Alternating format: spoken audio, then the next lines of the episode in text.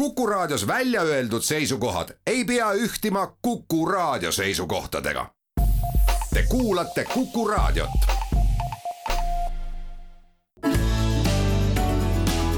keskpäevatund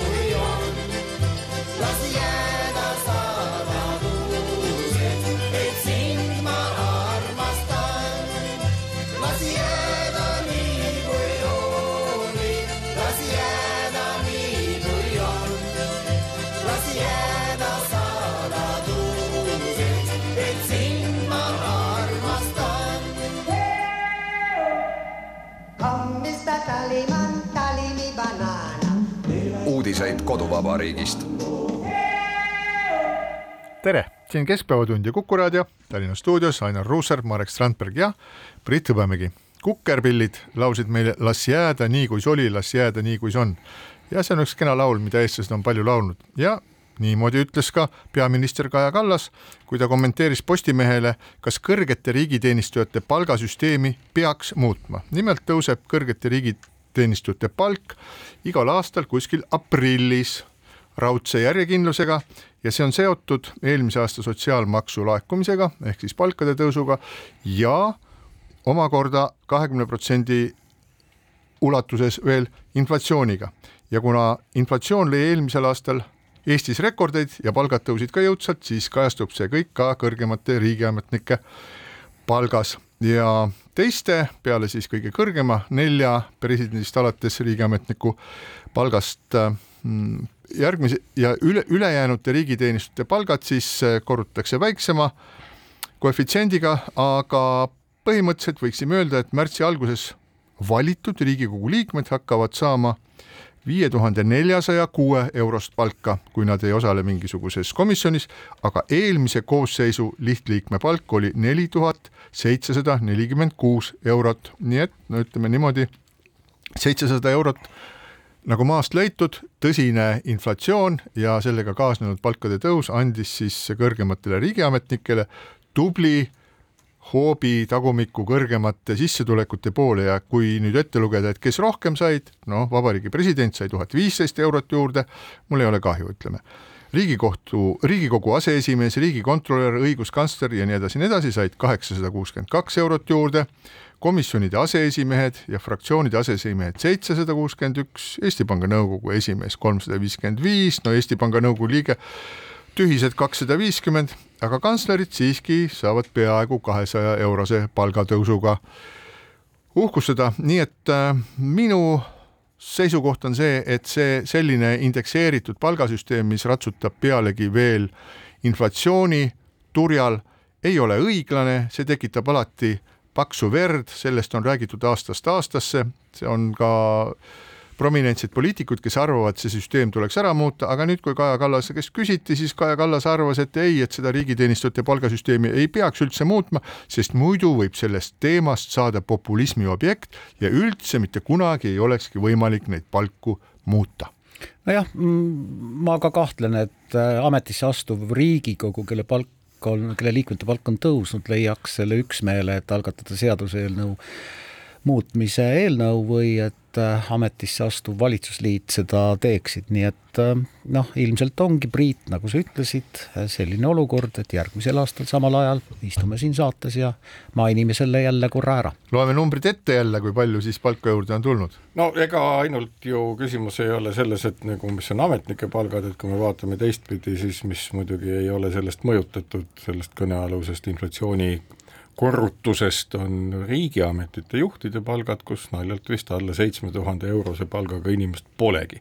aga jällegi, et see on nagu selles mõttes niisugune mittelahenduv ülesanne, et ju hüpoteesina, miks peaksid kõrgete ametnike palgad pidevalt tõusma, kunagi ammu-ammu, kui see kasutusse võeti, eksisteeris hüpotees. Vaadake, kui me ei maksa neile palka, maksab palka neile keegi teine, ehk on nad korruptsiooniohvrid või osalised selles, mis ohver see nüüd on. ja, ja selles, et nagu neid ei oleks altkäemaksustatavad, ilmselt neid palku peetakse, samas me teame, et Euroopa Liidu kõrge ametnik Henrik Hololei, vaatamata sellele, milline on tema palk, keda võiks kinni maksta. umbes sada kakskümmend tuhat eurot kuus võiks pakkuda. või midagi umbes sellist ja vaatamata sellele see palganumber ei mõjuta seda, kui altis on üks või teine inimene korruptiivsetele käitumisaktidele või sellelaadsetele. ehk nii-öelda või ametikohast tulenevalt tulenevast kohut-, kohustusest avalikkusega suhelda. just, ja, ja selles mõttes nagu ega ta ei ole siiamaani vastanud minu pakkumisele, et tulla Postimehe otsesaatesse ja avalikult rääkida, mis asjad need on ja ilmselt ta ei tulegi, et noh, tegelikult ilmselt tõmbab ta saba jalge vahele ja kaob või kaotatakse ta ära sealt nagu ametiredelilt kuhugi mujale, ma ei oska seda öelda, aga nii-öelda igal juhul hoiab seda, hoiab seda siis äh, palgatõusu mudelit et igasugune inflatsiooni nii-öelda mõjutus võiks äh, tõsta ka palkasid, üleval täpselt seesama hüpotees, et oh vot, korruptsiooni oleks muidu rohkem. aga kuidas sa seda kontrollid, ei saagi kontrollida, selles mõttes, et puudub võimalus teha eksperimenti ja selle tõttu see väide on täiesti katteta, seda väidet ei saa kaitsta ega ka ümber lükata, nii et, äh, nii et selles osas on see niisugune paras trikk ühiskonnas ja see nüüd ongi küsimus, et nii-öelda keda siis iseenesest kõige rohkem inflatsioon mõjutab kas tõesti siis kõrgemaid riigiametnikke, kellel peab siis palgatõus olema tuhat viissada eurot, ka presidendil sealhulgas, et kas tõesti nagu tema on kõige kehvemas seisus. ja kuna meil on kriisiaeg, oleme ausad, meil on kriisiaeg, see ei tähenda seda, et kõik peaksid oma noh, kuidas ma ütlen, nii-öelda eh, põhjendatud ootused või ootuste järgi nagu toimida saada, kriisi ajal ei saa toimida ootuste järgi, tuleb toime tulla nende nappide vahenditega, mis olemas on, ja õppida nii-öelda piskuga toime tulema, kuigi see pisku ei ole ju ei Riigikogu liikmetel ega teistelgi kõrgetel riigiametnikel üldsegi mitte pisku. ja, ja noh, võib seda, võiks seda asja nimetada ka sellise, sellise lausega, et see on riigiaadli privileegide regulaarne kinnitamine, mis on avalikkuse ja on ühiskonna käeulatusest väljas, ehk kodanikud, kes peavad kuidagi hakkama saama ja saavad ka, õnneks kui kui nad on ettevõtlikud, et siis nemad ei saa mitte kuidagi seda mõjutada. Äh, siiski on äh, endine Riigikogu esimees Eiki Nestor öelnud Postimehele, et tema pole kunagi poliitikute indekseeritud palga fänn olnud ja tema sõnul võiks kõrgemate riigiametnike ametisse kandideerivad inimesed juba ette teada seda, et millised nende palgatingimused on ja näiteks Riigikogu liikmete palka võiks Eiki Nestori arvates korrigeerida kord nelja aasta jooksul ja palga võiks siis välja pakkuda ja see on nüüd oleks uuenduslik, Tööandjate Keskliit, Ametiühingute Keskliit ja teised ühiskonnarühmi esindavad ühendused, aga ma kujutan ette, et vastvalitud äh, rahvaesindajad sugugi ei tahaks, et keegi hakkab, äh, inimesed väljaspoolt sellist noh, nagu priviligeeritud ja automaatse indeksiga palka suurendavat süsteemi hakkaksid tegema mingisuguseid ettepanekuid, et, et milleks seda kõike vaja on, las jääda Selle, nii, kui see oli, las jääda nii, kui see on, las masin arvutab välja, milline see palgatõus olema peab. küsigem edaspidi chat GPT käest, milline peaks olema Riigikogu liikme palk? jah, ja vastvalitud Riigikogu liikmed peaksid selleks algatama seadusmuudatuse. Just, aga läheme edasi ja läheme sellise teema juurde, mis on võib-olla Eestis kõige enam räägitud sel nädalal, see on Euroopa Parlamendis äh, vastu võetud otsus, mis räägib, mis räägib see kõlab kuidagi väga nõukogulikult elamufondi renoveerimisest, aga see sisuliselt ütleb siis seda, et äh, väga suhteliselt lühikese aja jooksul tuleks Euroopa Liidu riikides läbi viia põhjalik elamute ja elumajade renoveerimine selles mõttes, et parandada nende soojus, soojuskindlust ehk maju küttes läheks vähem soojust raisku ja see omakorda siis vähendaks nii ka sellist üldist, üldist energiakulu kogu Euroopa Liidus, no meil on esialgu tegu siiski Euroopa Parlamendi otsusega ja sellele siis sellesse diskussiooni liituvad veel omakorda Euroopa Komisjon ja Euroopa Nõukogu ja Eesti Majandus-Kommunikatsiooniministeerium on juba öelnud, et sellisel kujul nad ei ole nõus. Selle ettepanekuga, mis on minu meelest väga tore, see on mingi sammukene juba edasi, kuigi oleks võinud Eesti esindajad, oleks võinud juba ühiselt ei öelda sellele ettepanekule või sellele otsusele juba Euroopa Parlamendis, aga siiski minu teada kaks, kaks esindajat või olid, hääletasid selle poolt, teised olid vastu, nii et küsimus ongi selles, et kas siis meid ootab ees see, et umbes kümne aasta jooksul tuleb umbes kolmsada viiskümmend tuhat korterit soojustada nii, nagu neid kunagi varem pole tehtud, nii et tuul ei puhuks läbi, et energiakulu väheneks, selle mõõtmiseks kasutatakse siis sellist suhteliselt keerulist märgistust ja süsteemi ja üleüldse, kuskohast peaks selleks tulema raha ja kuskohast peaks tulema see tahtmine selleks? Ja kui me oletame, et mingisuguses korteris suures majas mingis korteris elab seitsmekümne kaheksa aastane üksik mees, kes saab sellist minimaalset pensioni, kuidas tema peaks tahtma või hoolima või isegi sunniviisiliselt kaasa lööma selles suurejoonelises uues laenuringis, mis puudutab majade soojustamist. nojah, siin mitu, mitu nüanssi, et see Euroopa Liidu, Euroopa Nõukogu ja noh, ilmselt Euroopa Komisjonist ka edasiminev äh, hoonete renoveerimise soovitus, mis sarnaneb natuke korraldusele, ei ole siiski päris nii lihtne, et kui ikka liikmesriigid, nagu ka Eesti mitmed esindajad on öelnud, et nii lihtsalt see ei käi, ka Lätist on tulnud täpselt samasuguseid sõnumeid ja ma arvan, et neid riike on Euroopas teisigi, siis äh, nii lihtsalt see ilmselt ei lähe. loomulikult on ideaalne maailm selline, kus äh, majad on äh, korda tehtud niimoodi, et nende energiakulukus äh, noh, väheneb märkimisväärselt, aga see ei tähenda ainult akende vahetamist. see on ikkagi midagi hoopis suuremat ja korteriühistute liidu andmetel on Eestis neliteist tuhat sellist korterelamut, mis tuleks nagu kohe-kohe korda teha. kust selleks raha tuleb? noh, ma arvan, et see, et korteriühistud hakkavad võtma laenu ja sinu poolt mainitud seitsmekümne kaheksa aastane minimaalset pensioni saav Jevgeni. Jevgeni, üksikult elav Jevgeni hakkab veel oma korteri üürile lisaks siis maksma tagasi ühistu võetud laenu, see ilmselt ei ole väljapääs. noh, mingit toetust on lubanud Euroopa Liit, aga see lõpeb aastal kaks tuhat kakskümmend seitse ära, selline toetusmeede. ehk siis eh, noh, kui see asi hakkab edasi liikuma, siis vaadataksegi omavalitsuste ja vaadatakse keskvalitsuse otsa. Vaata, vaatame veidi laiemalt seda asja, et noh, jällegi algatuseks ei ole midagi õilsamat, kui kulutada vähem energiat ja tagada elukvaliteeti. nüüd meie oludes, kus õhutemperatuur aastas kõigub umbes kuuskümmend või seitsekümmend kraadi, halbadel aastatel nii üles kui alla, õhuniiskus ka kordades sesoonselt ja isegi kuust kuusse päris kõrgesti, no see kest, mis majal ümber peab olema, peab olema väga kvaliteetne, see peab olema väga hea ventilatsioon. Kui me oleme täna nagu seda meelt, et isegi projekteerijad suudavad selle projekteerida, siis me oleme olukorras, kus tänasel hetkel ei ole ju kellelgi teada, kas ehitaja suudab ja suudab garanteerida sellise asja ehitamist. noh, kujutame ette, et võetakse laen, ehitatakse nii-öelda hoonele uus kest ümber, pannakse paremad ventilatsioonisüsteemid ja mis kõik veel, ja nüüd on nagu järgmine küsimus, et äh, küsigem lihtne küsimus, et kas kindlustusettevõte on valmis seda re renoveerimist kindlustama, see oleks nagu sellele samale Jevgenile, kellest sa kõnelesid, kõige parem olukord, et ta nagu võimalikult hästi toimub tuleks. ja ma arvan, et kindlustusseltsid ei ole selleks nõus, sellepärast et meil puuduvad standardid ehitajate noh, nii-öelda töö kvaliteedi, töö kvaliteedi tunnustused, et nad tõepoolest oskavad seda renoveerida. ja siin on veel üks asi, nii-öelda ja noh, oht ongi selles, et mida me teame, on see, et enamustel juhtudel juba täna õnnestub, aga kui ka kümnel protsendil juhtudest läheb see hoone lihtsalt seenetama ja niiskusprobleemide tõttu siis on see suur-suur kahju. nüüd vaatame veel, Eestis on üsna revolutsiooniline muutus tehtud, et täna on katsetamisel umbes üheksateistkümne maja nii-öelda tervikrenoveerimine, et majatehased teevad valmis paneelid, need kleebitakse üsna lühikese aja jooksul majale ümber, seal sees on ka ventilatsiooni ja muud kommunikatsioonid ja iseenesest väga mõistlik asi, neid on üheksateist. üks selline asi tehti aastaid tagasi Akadeemia teel, Tallinna Tehnikaülikooli ühiselamu, noh, enam-vähem õnnestunud, ja nüüd ongi nagu see asi, et ühtepidi öeldakse, et see asi on kallis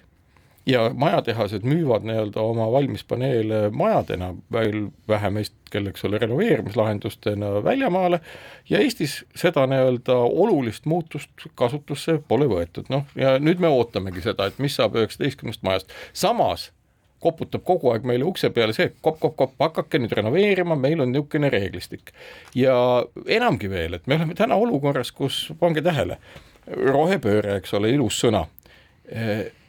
sellega käib kaasas, mis asi? Et asjad on remonditavad, et asjad on taaskasutatavad ja asjad on taaskäideldavad, ehk et nagu me suudame kasutada tükke ja materjale uuesti ja uuesti. täna meil ehituses sellist süsteemi ei ole. ja kui täna küsida, et kui lihtne on renoveerida näite- või remontida untsu läinud renoveerimistööd, siis oleme ausad, see on lõpmatult kallis tegevus. nii et me oleme nagu ühtäkki nagu sellise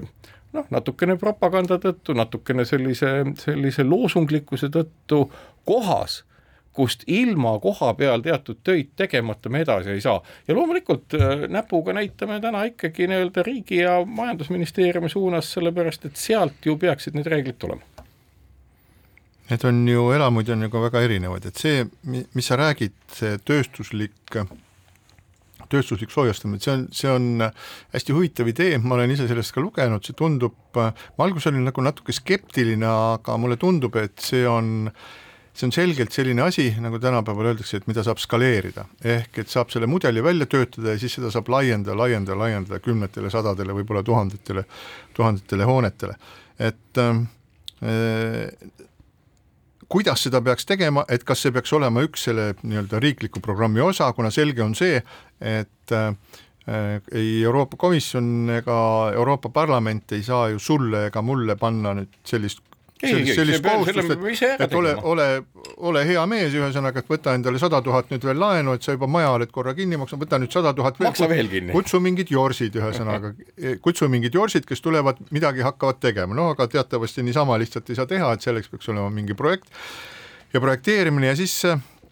siis me kujutame ette, et kuidas, kui nüüd taoline asi pressitakse kokku umbes mingisuguse kümne aasta peale või viie aasta peale, noh nagu suured projektid on, et esimese viie aastaga tehakse suure hooga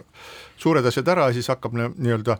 kõik hakkab tilkuma, et kuidas see siis ajab üles nõudluse ehitajate, spetsiaalsete renoveerijate, ehitajate, spetsiifiliste ehitusmaterjalide, projekteerimisvõimsuste, projekteerijate järgi ja nii edasi ja nii edasi, et tegelikult selline, selline suhteliselt lühikese aja peale kontsentreeritud äh, kampaania lükkab üles mitmesugused hinnad, mille tulemusena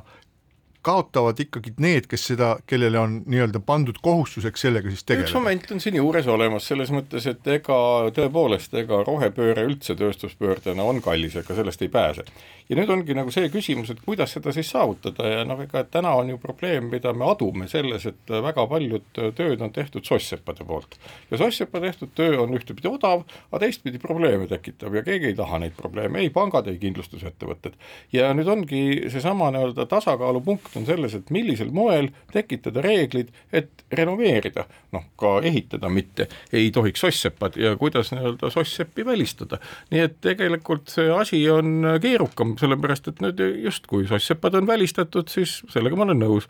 seesama nii-öelda tehases tehtud paneel ilmselt on kallim, kulud on suuremad, aga kui soss-seppi ei ole, siis pankade valmidus anda pikemaajalist laenu ehk kulu jooksvalt väiksemana hoida on ka suurem. et see on tegelikult väga kompleksne majandusülesanne, mille lahendamiseks peab olema nutikas inimene ja kuna neid ei ole leidunud, siis niimoodi me olemegi siin nii-öelda, ah, tuli Euroopa Liidust niisugune korraldus, mida me nüüd teeme, ütleme ei või jaa, ja pigem öeldakse ei, sellepärast et jaa ütlemiseks on vaja väga palju mõelda ja nutikaid lahendusi välja mõelda. ma arvan, et äh, kui vähemalt pooled liikmesriigid, kellel on tegelikult probleem äh, korterelamute renoveerimisega, kas rahaline või siis materiaalne, ehk siis ehitajate puudus või siis ehitusmaterjalide kallidus ei ütle sellele projektile sellisel kujul ja, ja noh, kui sa rääkisid soss-seppadest, siis noh, Eestis need majad, mis vajavad korterelamud, mis vajavad renoveerimist, neid on omal ajal ehitanud soss-sepad seitsmekümnendatel ja kaheksakümnendatel. nii et noh, seal tuleb ikka seda renoveerimist võtta ilmselt päris, päris tõsiselt, see ei ole niisama lihtne. ja majad ei ole sarnased, on üheksakordseid korterelamuid, on Õismäel üks äh, imeline hoone, mida kutsutakse Hiina müüriks, mis on hoopis teistmoodi renoveerimist vajav ja nii edasi, nii edasi, nii et siin ei saa ühe pulgaga läheneda, aga aga siin peaks küll olema tõepoolest mingisugune, juhul kui me seda teed hakkame minema ja paratamatult mingil hetkel me peame otsast alustama, tegelikult juba praegu renoveeritakse ju korterelamuid. jah, aga neid renoveeritakse niimoodi, et tuleb kohale suur hulk soojustusmaterjali, mida kleebitakse seina ja mitte keegi ei tea, millise kvaliteediga see toimub, võib-olla vahel teatakse. ma tahtsingi sinna jõuda, et tegelikult siin peaks olema mingisugune üheselt arusaadav reeglistik, et millised on need standardid või nõuded, milline üks renoveeritud maja, ükskõik, kas selle renoveerimiseks tuleb raha pangalaenuga riigilt või omavalitsuselt või kolmest kohast kokku Äh, milline see maja lõpptulemusena olema peab et need majad oleks siis tõepoolest renoveeritud ühtmoodi standardiga. jaa, aga kõik algab, et nagu kui sa juba seda sõna standardit kasutasid, et kõik alg-, kõik algab sellest, et et selline äh, need tegevused ja ka oskused peavad olema kooskõlastatud, selles mõttes, et äh, me teame ju väga hästi, et noh, et kui sul on vaja kuskil maja juures midagi nokitseda, et siis siis tule, siis sa saad ähm, suhteliselt väikse raha eest mingid jorsid, kes tulevad kohale ja siis löövad mingisuguse asja seina, kaevavad augu, ajavad uuesti kinni, panevad toru maha ja nii edasi. ja ei vastuta mitte millegi eest. ja ei vastuta mitte millegi eest no, ja, ja nüüd me kujutame siis endale ette, et me tahame oma mingisugust hoonet seal renoveerida, minu arusaamist mööda see algab siis kõigepealt selleks, et äh, meil on piisavalt sellist nagu projekteerimisjõudu, seda olemas, on õnneks täna. jah, on olemas selged äh, standardid, kuidas, äh, kuidas renoveerida ja projektid tehakse nii, järgmine asi on see, et milles ma enam ei ole kindel, et kas meil on olemas nii palju ehitajaid, kes on siis äh, saanud vastava väljaõppe. Ja ma arvan, et äh, see on nüüd natukene erinev, et kas sul on lihtne selline mördiööbik või see, kes paneb siis, kleebib äh, stüroplasti maja seina peale lükkab selle siis mördiööbik või vahurähn. just nimelt, ja lükkab selle siis äh, üle mingisuguse krohvikihiga või siis on inimene, kes saab aru, et kuidas need asjad toimivad, noh, me te, oleme ju näinud mingisuguseid kummalisi selliseid olukordi, kus äh, Äh, kui on äh, vana või muinsus, muinsusväärtusliku hoone ümberehitusprojekt, kus, mil, kus siis planeeritakse ma ei tea, palkmaja lae alla mingisugused tohutud reiejämedused, hõbedased torud, mis hakkavad seal vonklema. samal ajal on ju kõik väga hästi teada, kuidas ühesõnaga need sellised äh, puitmajad iseenesest hingasid, et seal oli naturaalne õhuvahetus, et äh, akende vahelt tuli natukene õhku sisse, värsket õhku sisse oli siis äh, õhuniis-, õhuniiskust hoiti, hoiti siis äh, kontrolli all, kui me vaatame selliseid vanu linnamaju, siis mille laenurgad on ümaraks nii-öelda krohvitud, mida nimetatakse peegellagedeks, siis need ei ole sugugi üldse ilu pärast, vaid need on sellepärast, et parandada ja muuta nii-öelda sisekliimale sobivaks see õhuringlus seal tubades sees, nii et need majad hingasid täiesti ise ja nüüd ütleme, et tuleb üks insener, ütleb, et nii, tõmbame siit, me laseme teie ja siia lae alla tulevad kahjuks sellised jämedad torud, et kolmkümmend sentimeetrit ja kakskümmend sentimeetrit, need hak-, need on meil selleks, et teie elukvaliteet oleks hea ja sihukest jama meile muidugi ei ole vaja. ja siinkohal väike paus. keskpäevatund. ja Keskpäevatund jätkab Tallinna stuudios Ainar Ruussaar, Marek Strandberg ja Priit Hõbemägi. Läheme nüüd edasi järgmiste oluliste teemade juurde ja selle nädala üks teine suur teema on olnud siis äh, küsimus sellest, et kui palju Eestil on, Eestis on raieküpset metsa veel üldse järgi ja kuidas seda mõõta, kui palju seda järgi on, sellepärast et vähe, inimene, kes vähegi siis äh, elab kuskil rohelises piirkonnas või kes vähegi istub bussi või autosse, liigub mööda Eestimaad, siis äh, näeb seda hõredat pitsi, mis on suurtest metsadest teede äärtes järgi jäänud, et on siukse nagu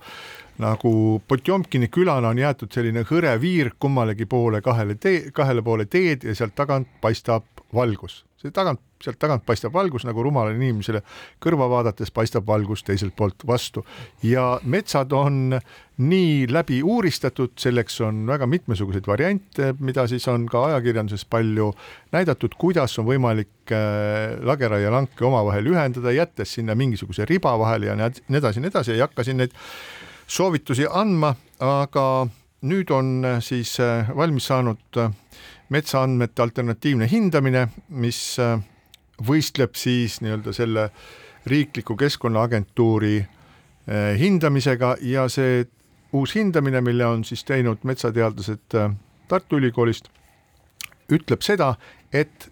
raieküpset metsa Eestis on masendavalt vahe, vähe järgi jäänud, aga igal juhul on seda väga-väga palju vähem, kui näitavad Eesti riiklikud andmed, mis tulevad Keskkonnaministeeriumist. no võib... vot siin, vot siin ongi probleem, noh näiteks minu jaoks ja ma arvan, paljude teiste jaoks, et et äh, loen ühtesid andmeid, loen teistsuguseid andmeid äh, Ehm, need on, need andmed on erinevad,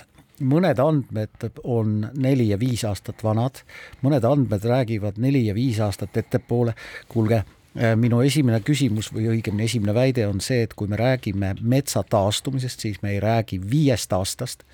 vaid me räägime kahekümne viiest või kolmekümnest aastast. aga mm, enne saadet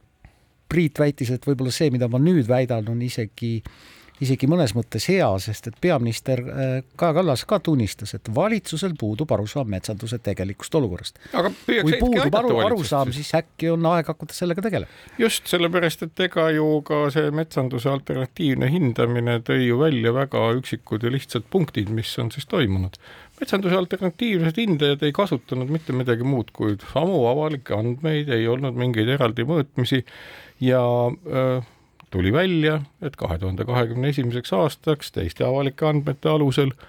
on metsa sada miljonit tihumeetrit vähem kui siis statistilise metsainventuuri all. Marek, ja kohe pani laua peale Keskkonnaagentuur mingisugused oma andmed. ja, ja, ja aga ma räägin nüüd rahulikult edasi, et aidata valitsust ja tuua ka kodanikud nii-öelda asjade juurde, et kuidas see saab juhtuda. see saab juhtuda sellel moel, et nagu peab kusagil olema mingi hämamine ja hämamine toimub, selline andmete meelevaldne kasutamine toimubki, kui ühtepidi me mõõdame metsa tihumeetrites, teistpidi me mõõdame metsa hektarites. Ja pange nüüd tähele, et kui saadakse raieluba näiteks mingisuguste tihumeetrite peale ja inimene läheb ja ütleb, et tal on nüüd õigus nii mitu tihumeetrit saada ja selle arvelt nii mitu eurot teenida, tuleb välja, et tihumeetreid selle hektari peal ei ole. Ehk mõõtmine on olnud vale, siis vabalt saab ta seda nii-öelda juurde raiuda sealtsamast lähedalt ja sellest tekibki seesama asi, mida Priit rääkis. et kui tihumeetrit täis ei saa, antakse hektareid juurde ja selle tulemusena ökosüsteemi terviklikkus kaob. nüüd teine asi, mis nagu on selline tõsine asi, millega on kõvasti mööda pandud, on see, et ega statistiline metsainventuur ei räägi meile ühest teisest olulisest asjast, see on süsiniku sidumisest. süsinik on ja süsihappegaas on meie nii-öelda majanduse väga oluline nagu komponent ja nüüd tulebki välja, et äh, juba jälle mitte mingisuguste,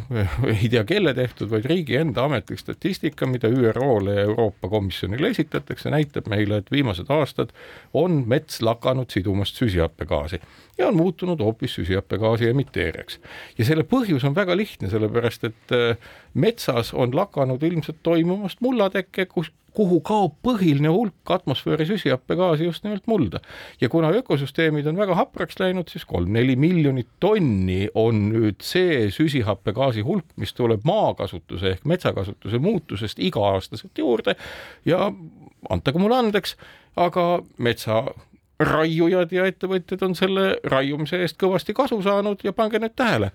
ilmselt järgmise viie aasta jooksul jõuame me sinna seisu, kus ametliku statistika alusel, rahvusvaheliste lepingute alusel väänatakse Eestile kaela küllaltki korralik süsihappegaasitrahv ja selle maksavad kinni kõik maksumaksjad ja.... nii et, nii et selline on see pilt, et seal ei ole midagi väga keerulist. kui on kellelgi kasulik valetada, kui ta valetamise tulemusena teenib raha, siis valetavad kahjuks nii teadlased kui ettevõtjad ja mulje, et meil on metsa palju, on fiktsioon. jah, loomulikult ja, ja kui me ka jõuame mingil hetkel selleni, et me tõepoolest paneme paika raiemahud mis ei ületa äh, kasvava metsa kogust, äh, üks ja jõuame nendes, nendes andmetes kokkuleppele, siis on vaja igal juhul selgust. noh, metsandus on olnud ja on ka edaspidi üks ettevõtluharusid Eestis, seepärast vajavad selle valdkonna ettevõtjad, olgu need siis metsalangetajad või puidutöötlejad, mingisugust kindlat, selget ja kinnitatud plaani, mida saab teha aastal kaks tuhat kakskümmend viis, mida saab teha aastal kaks tuhat kolmkümmend. Nemad teevad oma ettevõtte plaanid, nemad teevad oma äriplaanid ja nemad ootavad ka selgust. jah, aga me saamegi lihtsalt küsida, kellele on kasulik valetada nendele samadele metsatöösturitele, nii kurb kui see ei ole. ja Neil nüüd... ei tohiks ju valetada, neile peaks ausalt ütlema aastal kaks tuhat kolmkümmend on teie võimalus kasulik valet üleval hoida, see on nii lihtne, seal ei ole midagi keerulist. me oleme nagu, mis on juhtunud nagu viimase paarikümne aasta jooksul, tegelikult Kyoto lepingu allakirjutamisest üheksakümne seitsmendal aastal alates, on see, et meie rahvusvaheliste lepingute hulka on tulnud kliima ja süsihappegaasi emissioonide küsimus täiesti otseselt. Need lepingud on tekitanud olukorra, kus nende lepingute mittetäitmisel on oma majanduslikud tagajärjed väga tõsised ja nende lepingute raamesse mahtumine ongi majanduse uus raamistik. ja nüüd ongi tekkinud olukord, kus noh, loomulikult ega see ei tähenda seda, et keegi, kes ütleks, et oi, et metsa ei tohiks üldse raiuda, no sellel puudub ka mõte, sellepärast et metsa on võimalik raiuda, on võimalik raiuda mingis piirkonnas lageraietena, mingis piirkonnas valikraietena või püsimetsandusena, nagu nimetatakse, see kõik on võimalik, see ei ole keeruline. aga ei tohi piiramatult raiuda selle tõttu, et tänasel hetkel on metsa piiramatu raiumine see, mis on ettevõtjatele eesmärgiks ja keegi ei ole suuteline olnud, sealhulgas ka valitsus, Kaja Kallas, pane nüüd tähele või pange tähele, et tegelikult on just nimelt selle uue majanduse süsihappegaasi põhise majandusreeglite sissetoomine see peamine, mille tulemusena metsandus üldse kuidagi raamistikku läheks. mina näen siiski nagu jah, valgust, sedasama valgust, mis paistab läbi selle hõreda metsapitsa. mitte on, läbi pea. ja mitte läbi pea, mis, mis sealt äh, teede servas meil paistab, et äh, sellest teemast on hakatud rääkima juba vaikselt, hakati rääkima eelmise Riigikogu ajal ja nüüd on see jõudnud siis juba peaaegu koalitsioonikõnelustesse, ehk et äh, no võiks öelda, et praktiliselt kõik see, mida praegu juhtivad poliitikud räägivad, et see on ka ko koalitsioonikõneluste, kõneluste osa, kui ma nüüd mõtlen sellele kui palju aastaid on see metsateema olnud meie avalikkuse kõneaineks, kui palju on räägitud, kirjutatud, pildistatud, joonistatud, graafikud tehtud selle kohta, et kuidas metsad muutuvad hõredamaks, hõredamaks, hõredamaks kogu aeg, et siis tegelikult pikki aastaid ei ole sellele olnud mitte mingisugust vastukaja riiklikult tasemelt, ei Riigikogu ei ole tahtnud sellega tegeleda, ükski erakond ei ole soovinud selle teemaga põhjalikult tegeleda, sellega pole soovinud tegeleda ministrid ja loomulikult ei ole soovinud tegeleda ka RMK ja nüüd ühte asja, mis ma tahaks veel siia juurde lisada, et see on see metsade metsade süsiniku äh, sidumine, et see, kuidas Eestis liiguvad või on kinnistunud sellised müüdid, et kui puu kõduneb ära ja kukub maha, siis see on väga see on väga paha, siis ma lihtsalt ei saa aru, et seda on öelnud meie peaminister ja seda on öelnud nagu mitmed sellised olulised tegelased, ma tahaksin nüüd pöörduda kõrgemate autoriteetide poole. Tartu Ülikooli Ökoloogia Instituudi ökoloogia professor Kristjan Soobel ja ma tsiteerin teda. ökoloog kuulab järjekordse Eesti kõrge ametniku väidet selle kohta, et RMK-l tuleb rohkem metsa raiuda ja puid maha võtta sest muidu need kukuvad metsas maha, kõdunevad ja vabavad, vabastavad süsinikku suure kurbusega. see näitab, et inimesel on alushariduses teatavad lüngad ja Kristjan Soobel jätkab, jah, see oli Kaja Kallas, meie praegune peaminister, kes kunagi ajakirjanduses midagi sellist möödaminnes väitis. hea oleks muidugi, kui ta oleks sedasama väitnud näiteks Amazonase vihmametsade kohta, et vaata, seal on hiiglaslikud puud, kogu aeg kukuvad ümber ja kõdunevad, süsinik vabaneb atmosfääri, need tuleks kõik maha tõmmata. ei tea, mis jama seal käib, Brasiilia RMK ei tööta absoluutselt, no see tähendab, töötab oma võimete piiril, aga no nad lihtsalt ei jõua rohkem ma lühida harimise korras Soobelile lisaks, et vaadake, kui puu kukub ümber metsas, siis ei hakka ta ju põlema, nii nagu kaminasse visatud halg, vaid sinna kallale tungivad kõikvõimalikud teised tegelased, seened, putukad, noh, kes iganes. Need seeditakse ära, tehakse tükkideks ja pange tähele, ega meie piirkonnas parasvöötmes mullas,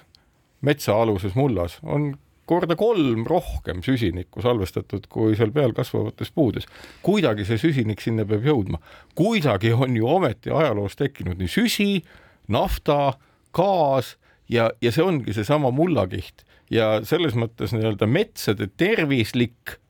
ja terviklik olukord on see, mis on kõige suurem süsinikureservuaar ja sellele me tänase metsandusega tõmbame kriipsu peale. nojah, ülemaailmne statistika näitab siiski, et globaalne puiduvajadus muidu muudkui kasvab, aga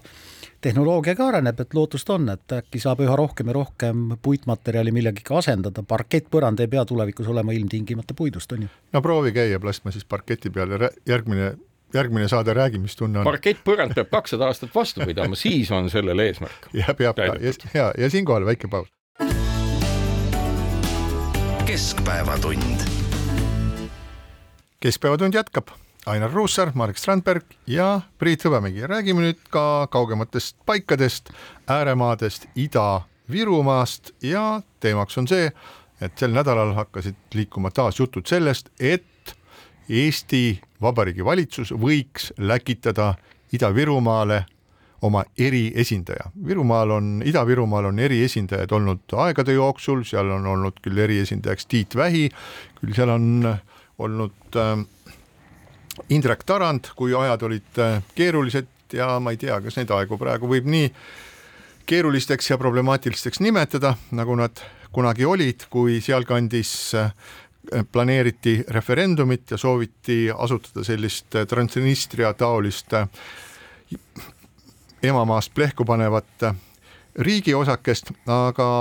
tundub, et mingis mõttes on kadunud see lootus, et Ida-Virumaa ja Narva saab ise oma probleemidega hakkama. pikka aega oli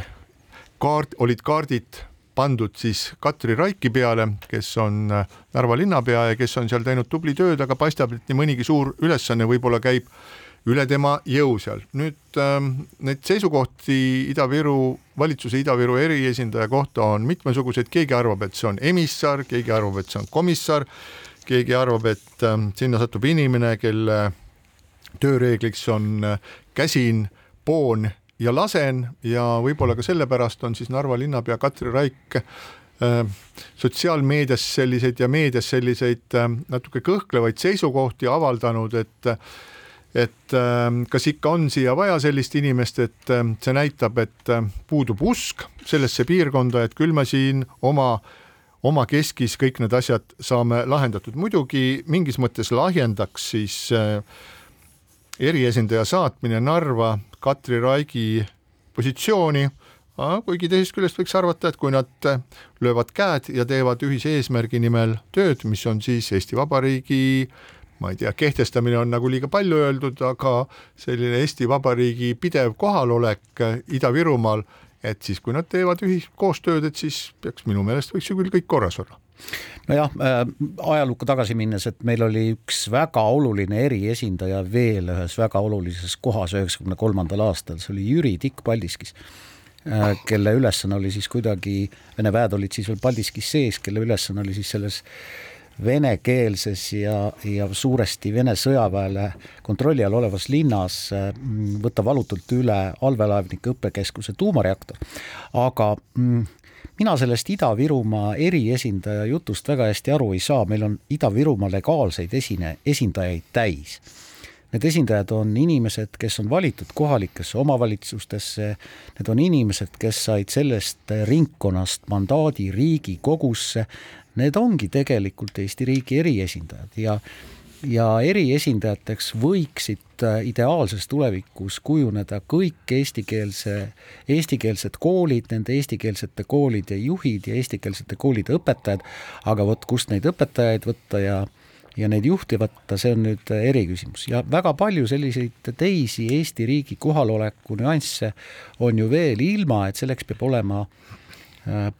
äh, ametisse nimetatud mõni eriesindaja, mina ei saagi sellest eriesindaja rollist aastal kaks tuhat kakskümmend neli näiteks päris hästi aru, et mida ta tegema peaks. kui tohiks või määrama siis idaministri või? nojah, see oleks nagu ikkagi no. siis tuleb ka idaministeerium. jah ja,, täpselt ja, ja siis oli võib-olla ka ostmark tuleks kehtestada. me oleksime umbes nagu selles äh, tuntud laulus Aeg oli raske siis, gängsterid, vaesus, kriis, noh, vaesus ja kriis on, aga asi ei ole nii hull nagu Chicagos, millest see laul räägib. selle Ida-Viru problemaatika genees on oluliselt pikem ja seotud nii kummaline kui see ei ole energeetikaga, me oleme selle seostest kuulnud ühtepidi ja on ka teine seos vist, pange tähele nüüd, et et asjaolu, mis on ju vindunud Eestis noh, reaalselt ikkagi umbes kümmekond aastat, viisteist aastat vist isegi, mis on seotud siis nii-öelda muu energeetika, antud juhul siis tuuleenergeetika edenemisega, mis ei edenenud omal ajal, ei edene ka praegu, kogu aeg räägitakse, et me peaks tegema mingi planeeringu ja siis hakkama ehitama ja vaatama, mis saab ja siis aina mõeldakse välja mingisuguseid uusi asju. nüüd, kui me kujutame ette nii-öelda sellist no ütleme minevikku, mis aset ei leidnud, aga et kui me kujutame ette, et tõepoolest oleks olnud nagu kiired otsused ja näiteks aastast kaks tuhat kümme, kaks tuhat kolmteist oleks hakatud ehitama jõuliselt kõikvõimalikke tuuleparke, nii nagu mujal maailmas. parkrannikul ikkagi üks tuulepark on no, aga see on ka viisteist okay. aastat vana. see on nagu ütleme niimoodi, et nagu me kujutame ette ikkagi tööstuslikku ehitamist tõenäoliselt oleksid väga paljud ettevõtted saanud tellimusi selleks, et ehitada maste, et kokku panna tuulikuid, monteerida ja teenindada neid. Need inimesed, kes oleksid pidanud seal töötama, oleksid pidanud olema tehniliselt kvalifitseeritud noh, Ida-Virumaal on meil neid inimesi umbes viiskümmend või sada tuhat ühtekokku ja tegelikult nii-öelda ulatusliku üle-eestilise taastuvenergeetikaga oleks need inimesed olnud hõivatavad mitte ainult oma piirkonnas, vaid ka mujal. ehk et eh, me oleme jätnud kasutamata selle loomuliku integratsiooni, sellepärast et eh, inimene, loomulikult on tal oluline oma keskkond, aga kujutagem ette, kui vene keelt rääkiv inimene teab, et tema töö on kusagil mujal ja see töö võib olla stabiilne, siis ta loomulikult läheb sissetuleku järgi ja ta ei pea olema seotud selle piirkonnaga, mis on olnud meie jaoks probleem. ehk et minu väide on selles, et lihtsad lahendused integratsiooniks on jäetud kasutamata, selle asemel on tegeletud mingisuguse šamanismiga, mis tänaseks hetkeks ei ole mitte mingit tulemust andnud, seda šamanismi on harrastanud küll Kultuuriministeerium, küll Rahandusministeerium, küll kõik ministeeriumid, rääkides kogu aeg sellest, vot see tegevus on meile oluline integratsiooniks, jättes kõrvale lihtsa sotsiaalmajandusliku asja, et kõige parem integratsioon on see, kui inimene teeb kusagil mujal tööd ja Ida-Viru inimesed, nii nagu venekeelsed inimesed Eestis üldse, on ju tehniliselt ülipädevad. jaa, aga kui me nüüd vaatame, et kes, et ähm, kes on siis aastatepikku nii-öelda valitsuse, valitsuse suunalt tegelenud äh, Ida-Viru küsimusega, see on praegune kulti-, kultuuriminister Piret Hartman, kes Just. on olnud lõimumise, lõimumise ala peal aastaid äh, tegelenud selle asjaga ja ka nüüd valimiseelsel ajal nagu kinnitatakse, kulusid tema autojuhi töötunnid peamiselt selleks, et sõita tema valimispiirkonda Ida-Virumaale edasi-tagasi, nii et töötunnid olevat ka lõhki läinud, aga sellest hoolimata Piret Hartman seal oma häältesaaki ei saanud, nii et tal ei ole Riigikogus ka kohta. aga ma saan aru, et ta on jätkuvalt läbirääkimiste laua taga ja, ja proovib oma tegevust jätkata. aga nüüd me siiski peaksime küsima, et kas see töö, mida ta siis asekantslerina ja, ja ka ministrina on selle niinimetatud lõimumise alal teinud, et kas me võime selle kohta öelda, et see on, kas see, et see on edukas olnud või on, võib selle kuulutada läbikukkunuks ja selle, selle ma jätan nüüd küll äh, kolleegide või siis ka kuulajate otsustada, et ma arvan, et kui see oleks olnud väga edukas, et siis me võib-olla täna ei arutaks seda, et et äh, kas saata sinna eriesindaja või mitte eriesindaja, aga see, mis on üks nagu huvitav jutt, mis liigub, on see, et et äh, eriesindaja koht võibki saada siis Piret Hartmanile, kuna see on selline koht, kus ta on kogu aeg olnud, riigikoht, riigikogusse tal kohta ei ole ja võib-olla ka uude valitsusse mitte, eriti pärast seda, kui teatrite ja, ja muude asutuste rahastamise, rahastamine on muutunud nii kohutavalt segaseks ja ka Tallinn Music Weeki pikaajaliselt võlglaselt, riigivõlglaselt äh, Sildnalt ei ole suudetud mitte kuidagi siis aastate jooksul dokumente kätte saada, et aru saada, kuhu see riigi poolt sinna suunatud üks miljon siis lõpuks on kulutatud ja kuidas. no jaa, aga selleks, et mõõta, selleks on vaja seada eesmärke. ja noh, üks kümme-viisteist aastat tagasi olid äh, näiteks Narva linnas arhitektuurilised eesmärgid, mis on minu meelest õnnestunud, Narva kesklinn ja jõeäärne promenaad on väga meeldivad paigad erinevalt Narva äärelinnadest ja renoveerimist vajavatest eh, majadest, ehk siis ükskõik, kas eriesindaja tuleb või ei tule, ilma eesmärke seadmata, mis siis ära tehakse selleks ja selleks ajaks ja kuidas seda ära tehakse selleks, et selleks ajaks ei saagi hinnet panna. No oluline integratsiooni põhiline ju sisu on selles, et Eesti inimesed Eestis elaksid enamjaolt enam-vähem samasuguses kultuuriruumis, püüaksid olla samas keeleruumis ja Narvas, kus eestlase osakaal on väga väike, spontaanselt seda ei juhtu. järelikult noh, me ei saa öelda, et nüüd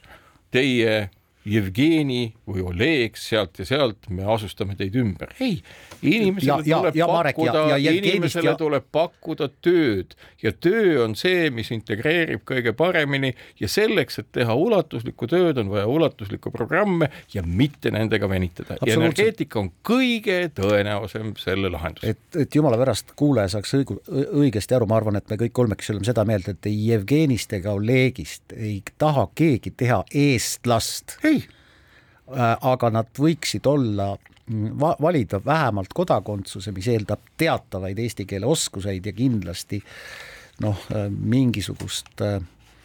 sümpaatiat selle maa vastu. ja neile võiks pakkuda puhtamat tööd, kui vähenev töö on kaevandustes, selle tõttu ka nii-öelda vajadus maa sisse auku urgitseda väheneks, sellepärast et tehniliselt pädevad inimesed tõepoolest on meil täna Ida-Virumaal. Ja lõpetame selle tänase saate ühe sellise positiivse uudisega, et äh,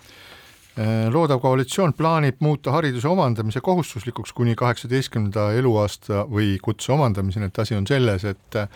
mitmed tuhanded äh, noored, just äh, eeskätt poisid, langevad haridussüsteemist välja ja neid sinna tagasi saada on äärmiselt keeruline. ja kui nad äh,